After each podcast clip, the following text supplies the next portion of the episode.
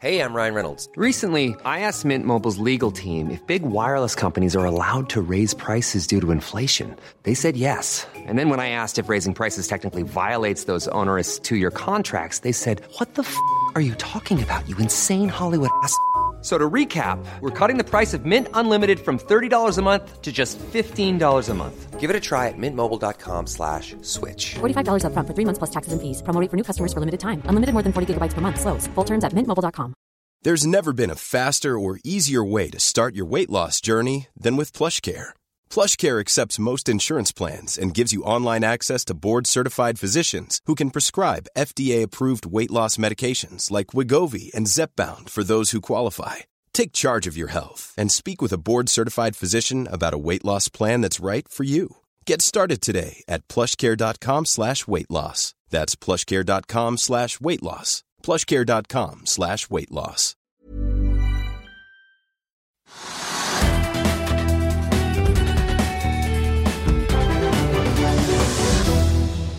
Hei og velkommen til Økonominyhetene. SAS la fram stygge tall for selskapets avvikende første kvartal 2021 i dag. Og i morgen legger Norwegian fram tall for fjerde kvartal og hele året 2020. SalMar la fram litt svakere tall for første kvartal enn ventet i dag, men de var mye svakere enn i samme kvartal i fjor. Utbyttet derimot, det er ikke noe å si på. Nell gjennomførte litt overraskende en rettet emisjon på 1,2 milliarder kroner i natt, og har nå penger til å dekke både årets underskudd og mye mer. Dette er noen av hovedsakene våre, og vi begynner på Oslo Børsstykke, som stiger til ny all time high for tredje dag på rad. Ja, er det, det oljeprisen igjen, eller? Nei, altså, dette, dette er litt imponerende, men det, var, det er også slik at sentimentet hjemme og ute er ganske sterkt.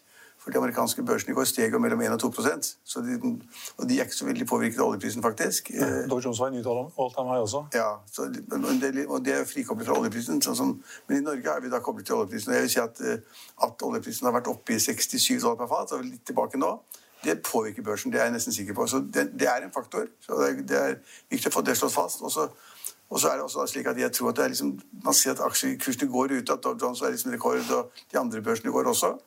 Og at rentene antas å bli lave ganske lenge. Det tilsier at noen sier at dette går videre, toget går, amerikansk vekst blir høy, mye høyere enn man trodde tidligere osv. Kommer eksperter som sier det.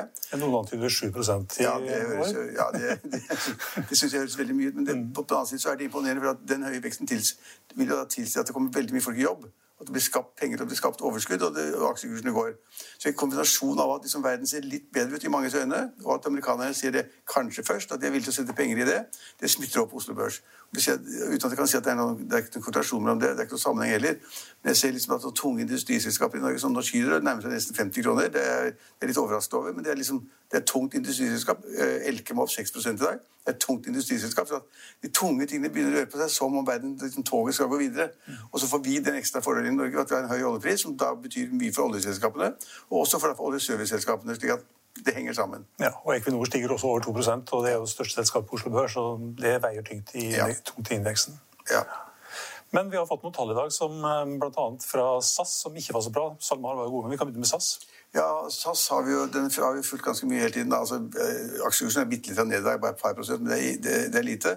Men det som er poenget, er jo at alle vet jo det. Vi har snakket om det så mange ganger. Flyene står verden rundt. SAS-flyene står, og Norwegian-flyene står. Og de står overalt. og det er liksom Den kapasiteten som flyselskapene bruker av sine totalantall fly, er kanskje 5-10% i beste fall. Og SAS har tapt masse penger før. Jeg husker ikke da de, de, de altså, hvor mye de hadde tapt inntil siste kvartal. Da, men jeg tror det var 7-8 milliarder kroner eller sånt. nå, Og så tapte de nå 2 milliarder kroner til i, i det siste kvartalet. Og så bruker de opp 2 milliarder kroner sånn, bruker opp liksom hver måned et par milliarder kroner. Og da har noen regnet ut at eh, de fikk 14 milliarder for en stund siden, som de liksom hadde trekkrettigheter og cash i kassa. Og så bruker de også utrolig mye av det, at liksom, det er ingen ende på hva som skal skje. Og det er klart, Med de underskuddene de har, enten det er 1 milliard i måneden, eller 2 milliarder i måneden, eller 2, 3 milliarder i kvartalet, eller om det blir 10 milliarder eller 12 milliarder året over, det er så katastrofalt at liksom, de trenger mer penger, helt sikkert. De må ha nye emisjoner, de må hente penger hos sine hovedaksjonærer, som er i Sverige og Danmark.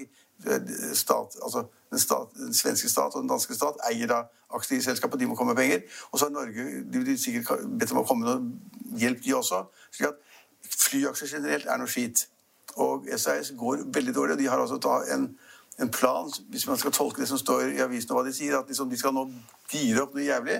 Og så full gass i det som da de tror kanskje blir en oppgang fra midten av sommeren og høsten. Det kan skje. Mange håper på det. Alle håper på det. Eh, Men det er ikke sikkert det går så fort som de tror. da. Så det at vi har fått tall fra SI, som, Hvis noen er overrasket over at belegget er lavt og at underskuddene er store, da følger de dårlig med. Det vet alle. Å ha aksjen er altså helt håpløst. Hvorfor skal man ha aksjen? Liksom, Man vet ikke hva som skjer. Og Norwegian er som du sier, det kommer et tall i morgen. Vi vet, Der er aksjen bitte litt oppi der, ligger på midt på 50-tallet. Eh, Men vi vet jo at den aksjen er ingenting verdt. Det skal ned mot null, fordi da de som har da eh, lån til Norwegian, de skal liksom konvertere lånene og gjelden som da Norwegian har, til aksjer osv. Det skal hente ny aksjekapital. Staten skal tegne. Skal masse greier. Når du gjør opp den kassa der, og den suppa der, i de, hva er verdien av de nye aksjene, så vet jo de fleste at det er liksom mellom kanskje 1 krone og 5 kroner, og så står aksjene i 54 kroner i dag. Den aksjekursen da skal ned hvis de gjennomfører det opplegget de har. vel å merke. Hvis de endrer opplegget at det ikke blir noe konvertering av lån til aksjer, og noe annet, eller at de får inn mer egenkapital, eller at staten går inn for større beløp. altså Whatever. Så, så, så jeg sier ikke at det er slik at bombesikker Det vil ikke være et veddemål med mye penger på da at aksjekursen skal ned, men alt de har sagt, tyder på at den skal ned. Ja, og Selskapet tapte i fjor frem til og med tredje kvartal nesten 8 milliarder, tror jeg. Og så gikk det sikkert ikke så veldig bra i fjerde kvartal heller. så det- De tallene som kommer i morgen, er nok stygge. De er veldig stygge. Altså, for det første er belegget lavt, det er ingen som reiser. Uh, og så har du masse folk som Selv om det er mange er permittert og de har liksom fått av lønnskostnader over på staten, så er det masse kostnader likevel. Og så er det uklart. Det står nye meldinger hver dag om liksom avtale med motorprodusenter, avtale med Boeing, avtale med en eller andre. Nytt selskap, Konkt, var etter Amerika i går, og så var det da liksom Norge før det, og så var det liksom da Irland før det. sånn. Det er fem, seks, syv, åtte selskaper som da er begjært konkurs, eller har da begjært eh, chapter 11. Men man vet ikke hvordan det ender. Altså Man vet ikke hvordan det ender. Og, og, og I utlandet så er det visst 2000 personer som da var ansatt i de selskapene som drev da lang, langdistansetrafikken. Par tusen. Og så, Jeg vet ikke hva slags rettigheter de har når selskapet blir konkurs. I Norge har du, har du, en rettighet i Norge, et sånt fond som du kan dekke da lønn du ikke får i selskapet. Men i utlandet tipper jeg at det ikke finnes noe sånt i det hele tatt. Men pakken er ikke klar. Det eneste vi vet, er at staten har sagt at villig til å gå inn med ny kapital en gruppe investorer som ikke kjenner navnet på, som ikke vet hvordan hvilke tenker, skal gå med masse kapital. Og så skal de konvertere noe gjeld til ny aksjekapital. Og hvis man gjør det om til verdi, så blir det en aksjekurs rundt fem kroner eller sånn, tror jeg. Og derfor er det, det er ikke lyst i, i det hele tatt, og det ser fryktelig dårlig ut. Og Den bør vel komme med et eller annet mer i morgen enn bare å legge fram stygge tall, tenker jeg. Jeg tror ikke det. Du tror ikke det? Nei, hva, skulle det være? Nei, Kanskje at de har en eller annen det, det, det, det, som- er liksom litt problematisk for, for Norwegian, det er jo det at det nye selskapet, Flyr, vi Flyr, øh, under ledelse av Erik Bråten, det er på en måte samme selskap. De kommer til å ha det samme typen flyene. De har, Flyr har jo ansatt folk, de åtte-ti beste folkene fra Norwegian. De gjør det samme, de tenker likt. Og, og øh, Flyr skal da konkurrere direkte, altså da skulder mot skulder med Norwegian. Hvordan blir det? Det blir sannsynligvis et kjempetap for begge selskapene. Fordi at Hvis den ene flyr fra Oslo til Tromsø for 200 kroner, så kommer det andre selskapet og flyr fra Oslo til Tromsø for 190 kroner. Og sånn går det. Og det, er ingen, det er ikke slik at du plutselig kan ta 4000 kroner fra Oslo til Tromsø tilbake igjen. Det er ikke sånn livet er, altså. Så, så, så, så du kan si at de har den veldig ufordelen nå, Norwegian, at de jobber og jobber og jobber, blir kanskje litt bedre finansielt stillet, blir kvitt litt gjeld osv. Og, og så kommer det en kjempekonkurrent med liksom ti ansatte som da liksom skal fly på akkurat de samme byene og, og gjøre akkurat de samme tingene, og har de, og, har mye lavere flykostnader og sannsynligvis mye lavere lønnskostnader også. Ingen pensjonsforpliktelser. Forhandler frem til at de som da ønsker å fly, men som da er permittert i Norwegian, de kan kanskje få jobb der. Det er en uheldig situasjon. Det er ikke uheldig at vi får et selskap til. Det er kjempebra for deg og meg. Kjempebra for, for, for, for forbrukerne og de som skal fly. Men det er ikke bra for altså, SAS og Norwegian og Flyr og Wizz Air og Helt håpløst. Ja, helt håpløst. Det høres ikke ut som du er med på å, en eventuell demisjon i Norwegian. Nei, men jeg ble faktisk Eller- eller jeg ble spurt om å være med i Flyr. Ja, det, så det, de, de visste at jeg var stor Du ble spurt i Flyr, ja. Men Ja, de visste nok at jeg var veldig interessert i det, i flyselskaper, og har fulgt med ganske lenge. og jeg ble også sin tid spurt om å være med Norwegian, eh, men jeg sa takk til nei til det, for jeg syns det er for usikkert. Altså, Det å gå inn i flyselskapene er jo hasard. Så De som gjør det, de har veldig mye penger, ellers så aner jeg ikke hva de gjør. Og Derfor så tror jeg Du har kanskje rett i at Norwegian i morgen må si noe positivt, utenom annet at de har mye gjeld, og at aksjekursen kommer til å falle, og bla, bla, bla. Kanskje de må finne på noe nytt, for de, liksom, de, de må skape litt entusiasme når de skal da få konkurrere med Flyr. Heter det Flyr eller Flyver? Flyr. det flyr, ja. Ja, det flyr. Hvis skal hete Flyr. Ja, så så det, er, det, er, det, er, er interessant å se tallene, men det er altså da skrekkelige tall. Men alle aner det på forhånd. Det er ingen som er overrasket i dag. Eh, Man ble kanskje ikke så overraska over SalMar-tallene heller. Det var omtrent som venta, men ganske mye dårligere enn i fjor. Ja, men altså, de hadde jo overskudd, så vidt jeg forstår. Ja. Jeg fikk bare skummet og men, På bunnlinja så ble det ikke så veldig mye igjen 50 Det ble ikke millioner. eller sånt, men- 40-50 millioner eller sånn. Men poenget er jo det at det er de samme lave prisene som har vært. Altså Lakseprisen er lavere. Alle får en smekk for de er lav laksepris, og det lammer jo alle selskapene. Så det er ingen som gjør det bra. Noen gjør det veldig dårlig, noen gjør det passe bra. Salma gjør det passe ålreit. Det er ikke noe store overskudd. Det man hadde i før i tiden, som var kanskje overskudd som var tre-fire ganger så store, de er borte for en stund. Da må du få en høyere pris igjen. Og det er klart, det er, dette synes jeg, jeg syns liksom økonomi er morsomt fordi man kan se tingene klart. Og alle ser, de bør ikke studert økonomi for å se det. Her er det Alle vet alle vet at eh, oppdretterne ikke får solgt laksen sin i Europa fordi at alle restaurantene er stengt. Mye mer enn vi her i Norge. Altså er, alt er stengt. Alle hotellene er stengt. Så en stor del av markedet er borte. Og da er det klart at hvis markedet er borte og prisen er lav, det gir dårlige resultater. Og når det kommer tilbake, har ikke peiling. Forhåpentligvis blir det kanskje litt bedre i antall år i år. Kanskje blir det veldig mye bedre i første halvår 22, kanskje. Men, men oppdrettsselskapene de, de, de kan ikke kjøre lastebilen litt raskere. Liksom. De, når de får opp fisken og sløyer den og legger den i sånne, sånne kasser, så går jo bilene med en gang. Men nå har du fått et problem til som er ganske morsomt, og som også alle burde forstå. De har problemer med å få solgt laksen i resten av verden. For at de flyene de normalt sentrer med, det var noen fly som bare har laks. Men veldig mange av lakseprodusentene de sender jo fly, laksen med vanlige, ordinære fly som legger i, last, i, i lastedelen under i flyet. Ja, det er liksom koffert var det i gamle dager. Nå er nå er det laks. Og de flyene går jo ikke, de heller. Så Det er mangel på, mangel på fly, mangel på kjøpere, mangel på detaljister, mangel på grossister. Det er mangel på alt mulig rart, og derfor går det litt dårligere. Aksjen er flat. Det er kanskje litt fordi at de deler ut et solid utbytte. Ja. Til tross for at Ja, eh, ja. Men, det, men det, synes jeg liksom, det, er ikke noe, det er ikke noe overraskelse i at oppdretteren gjør det dårligere nå. Sånn er det bare. Jeg vil snakke litt mer om utbytte. For familien, familien som eier selskapet, Kverva, eller Vitsø-familien, Ja. som, som eier litt over 52 av selskapet, Ja, de får, får 1,2 milliarder i utbytte nå. ja. Men det legger du inn i et aksjeselskap som da eier det utbyttet, og så blir det brukt til å investere et eller annet sted, sannsynligvis. Og det er, det er jo da det ikke alle forstår, at de pengene som da de får i utbytte, de blir jo liksom ikke saltet. Det er ikke sånn der basseng i kjelleren. Det er ikke sånn der, ba, det er ikke, ba, det er ikke noen ba- balje som de har pengene i. Det er ikke pengebingen der. Det er ikke noe pengebing, det er ikke, det er ikke Donald Duck. Altså. Det er, de pengene går jo stort sett da i eierselskapet, og så blir det investert litt her og litt i eiendom og litt i ny virksomhet. Og de, mange av dem er veldig ofte veldig flinke til å sette inn nye selskaper. Gründerselskaper så, som skal ha 5 millioner, eller 10 millioner eller 30 millioner. Der er de med. Hvis man ikke hadde hatt den der sildringen av ny kapital inn i gründerselskapene, så hadde det gått dårligere, dårligere med Norge de neste 20 årene. Tror jeg. Um, Nell, der går det heller ikke så veldig bra, men de klarte å hente 1,2 milliarder kroner i natt. Og den, den emisjonen kom litt overraskende. Jeg, jeg hadde ikke ant meg det. Jeg hadde ikke hørt noe om det. og Jeg, jeg ble faktisk veldig overrasket. Fordi, fordi, fordi at Nell taper penger. Virksomheten er uklar. Jeg vet ikke hva de får til i Norge eller i Tyskland eller hva de får til i USA osv.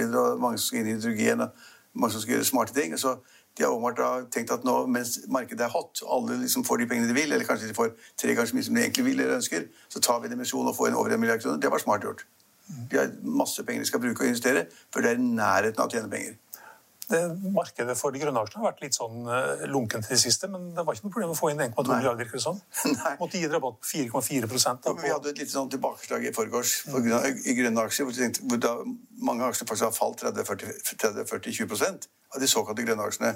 Nå kunne man tenkt seg at det på en måte ble reversert. da, at liksom det var litt usikkerhet og mange tapte litt penger og måtte begynne å selge, men plutselig er vi tilbake igjen. Så nå tenker folk at det er kjempebra med grønne aksjer, grønne aksjer igjen. Og, og det er flere selskaper som har kommet og sier at de skal spinne, spinne off da, noen deler av sin virksomhet og kaller det grønne aksjer. for de noterer på børsen for å tjene penger at, altså, Norge har ikke gitt opp grønne aksjer ennå, det er jeg helt sikker på. Det kommer fortsatt. Ja, Vi fikk jo vært gjennom det veldig mye nå. Vi, vi kan ta med et par ting til. Norcod, som eh, driver med oppdrett av torsk, de har hatt et prøveslakt nå. De har klart å få frem med torsk på 2,5 kilo på 11 måneder. Ja, men er det så vanskelig å Og få frem torsk? er visstnok kjempefornøyd. Ja, ja, ja, men altså ja, men, ok, Det er sikkert flott å få frem en torsk på 2,5 kilo. Jeg har fisket mye på brygga mi også. Så det, det, altså, men jeg har alltid vært litt skeptisk til, og det er litt urettferdig kanskje, om den, altså, oppdrettsnæring for torsk og den type fisk. For jeg har alltid tenkt at det kommer alltid norsk, nok torsk fra Barentshavet som siger inn i norske fjorder. og de har, det var liksom, Akkurat nå er det liksom da sesongen i Lofoten og, rundt det området der. Torsk er det nok av, har jeg alltid tenkt. Men så, så når, sier, når folk sier at istedenfor å fiske til havs med trålere og greier og bare hove det opp, så skal du drive oppdrett som er komplisert, og vann og farer og alt mulig som kan skje. Eh, Men de har iallfall klart å produsere som du sier, eh, fisk til 2,5 kilo. Men men de tapte penger. De, omsetter omsatte for kanskje surprise. Surprise, surprise. De omsetter for nå må jeg korrigere med 7-8 millioner, eller noe nå. Og så tapte de 15-17 millioner kroner. Mm. Så det er langt frem, da. Og når de da kanskje får anlegget i gang, og jeg, jeg håper inderlig at de faktisk får til, det er jo, noen må jo satse på noe nytt, så er det da de driver oppdrett av torsk. Når havet er fullt av det, da går prisen ned. Men hvis det blir mindre torsk, altså på en eller annen, en eller annen grunn så er da det slik at det er mindre torsk i havet, så vil selvfølgelig da prisene på torsk stige, og de kan kan- kanskje komme ut av det med en gevinst. Men de tapte iallfall nå, da. Og Det er vel også den store forskjellen på torsk og laks. At Torsk finnes det masse av i havet, mens laks finnes det ikke så mye av i Nei, havet. du må jo lage en si, bortsett fra villaksen som går i elvene. Ja, så det det, ikke er, det er det er en veldig stor forskjell, for det var en del år siden, da er det kanskje, jeg vet ikke hvor mange år det var. Da var det så mye torsk i havet. Da var det så mye torsk at torskeprisen til fiskeren var nede i syv kroner, det var helt sjukt. Og da var det også noen som drev oppdrett av torsk. Det var helt klin umulig. Ja, det gikk dårlig. Hva? Ja, det gikk dårlig. Ja. Det er noen som har brent eh, skoene. Ja, men jeg, jeg tenker liksom, det er utrolig at folk gjør det når de vet at havet kan være fullt av, den, eh, av, av torsk, men folk prøver allikevel. Og så har det det også synes, så har det jo vært vellykket så langt vi hører tallene og ryktene om de som da har drevet noe med oppdrettslaks i Florida eller prøver det på land i Norge. Det, det, det, men volumene blir bitte små, ikke sant? Og, der, og på, på laks så er det da på en måte du konkurrerer med villaksen. Altså det, laks, det må du lage selv. Torsken den plutselig så bare Alt er fullt. Det er, det er torsk overalt. Og da synker prisen. Markedet gjør det. Ja, jeg kan også ta med at um, Archer har lagt fram uh, tall i dag. Det var uh, ikke så veldig bra, men hvis du ser på hele året, så var det omtrent på um, ja, det var minus 7,5 millioner dollar mot et overskudd på 48 millioner dollar i fjor. I eh, kvartalet så var det et eh, resultat på 2,7 millioner dollar mot eh, 3,9 i samme kvartal i fjor. Aksjen den eh, finner vi på toppen av tappelista, faller 11 Det er helt annet som vi glemte her forleden, som var et ganske interessant poeng. Jeg tenkte mye på her forleden, og det var det kom, Altså, Kid går jo veldig bra. Du kjenner Kid, og du kjenner eierne. Eh, og er flinke. Og de tjener penger hele tiden. Og plutselig så skulle da kona til eh, hovedaksjonæren kjøpe aksjer. Og det er litt interessant, for det ville hun aldri gjøre hvis hun ikke var sikker på at disse putene er bra, disse dynene er bra, og at min mann som har greie på dette han, han ville stoppet meg. En kremmer, han ville stoppet meg hvis jeg brukte penger på noe tull. Så da tenkte jeg liksom, det er rart ingen skriver om det. at liksom, det, er, det er et super innsidesignal etter min mening at kona til hovedeieren gjør det. Og det samme hadde vi i et annet selskap. Det var eh, Fikk plass på baksiden i Finansavisen, da. Det skal sies. Hva? Fikk plass på baksiden i Finansavisen, da. Det skal sies. Ja. Men nei, det var, det var, det var eh, Jo, jo, det var Kahoot. Veldig flink eier, hovedaksjonær og konsernsjef osv. Han er ikke størst, men nest største aksjonær i Kahoot. Og plutselig her for noen måneder siden så kom kona hans også inn. ble plutselig aksjonær.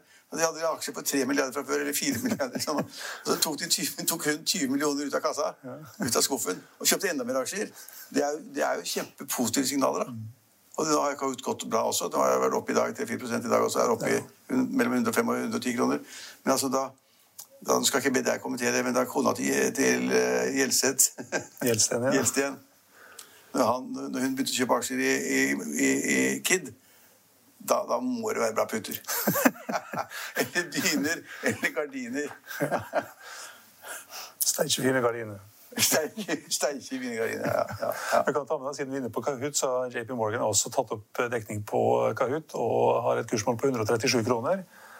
Og aksjen den er på 108 kroner og 60 øre nå, opp 6,3% Ja, og det, minner meg om- Før vi slutter nå, du, du sa fakta og jeg, jeg ser på, prøver liksom å huske på moro her også.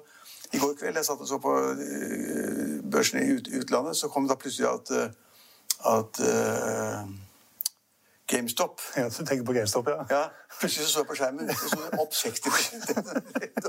Og tenkte hva som foregår nå? At det er mulig liksom, at man har de svingningene fra da liksom opprinnelig 5-10 dollar og så opp til 500 dollar. Og så ned igjen, fordi da den fighten som vi ikke skal gå gjennom nå, da, med disse hedgefund-forvalterne som shortet uh, GameStop, ja, det, det er historie. Men så har det ligget helt i ro. GameStop har ligget i ro på rundt 40-50 dollar. Og I går satt jeg liksom slappet av, så plutselig var da aksjen rett opp. Og så gikk, jeg tror- jeg tror etter at jeg la meg, så tror jeg den var opp 100% Ja, Den steg 100% de siste 19 minuttene på børsen. Ja, da sov jeg, men det, men det er ganske interessant. Og så er det liksom da spørsmålet hva skjer? Altså, hvor, hvorfor er det noen som kjøper som de klarer å få aksjen opp 100% samtidig med at det finnes en gruppe hedgefund-forvaltere som har shortet aksjen, som kanskje har tapt 30 milliarder kroner allerede? Hva, hva skjer, liksom? Så vi er, vi er ikke ferdig med GameStop. Det, der blir det mer moro. Ja. Og heng med til slutten av sendingen, så har vi et lite innslag på nettopp hva som skjedde med GameStop i går kveld. Og hvis du er interessert i eh, shorting, så kan du også kjøpe siste utgave av Kapital, som kommer i handel i dag. Der er et ganske stort, en stor reportasje om hvem som er de største shorterne i Norge. Største, ja. Mm. Ja, da har vi vel vært gjennom eh, hovedpunktene, Trygve. ja, det er iallfall det jeg klarer på med. Takk skal du ha. Og I morgen skal vi snakke litt om to uh, jubilanter. Kapital, kanskje. Så heng, heng med i morgen òg, klokka halv uh, to.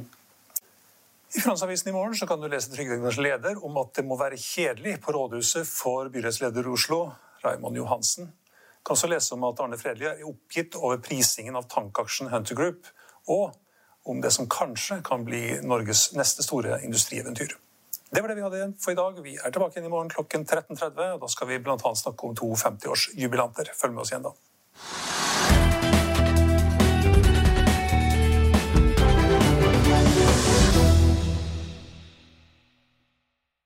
Økonominyhetene er en podkast fra Finansavisen. Programledere er Marius Lorentzen, Stein Ove Haugen og Benedikte Storm Bamvik. Produsenter er Lars Brenden Skram og Bashar Johar. Og ansvarlig redaktør er Trygve Hegnar.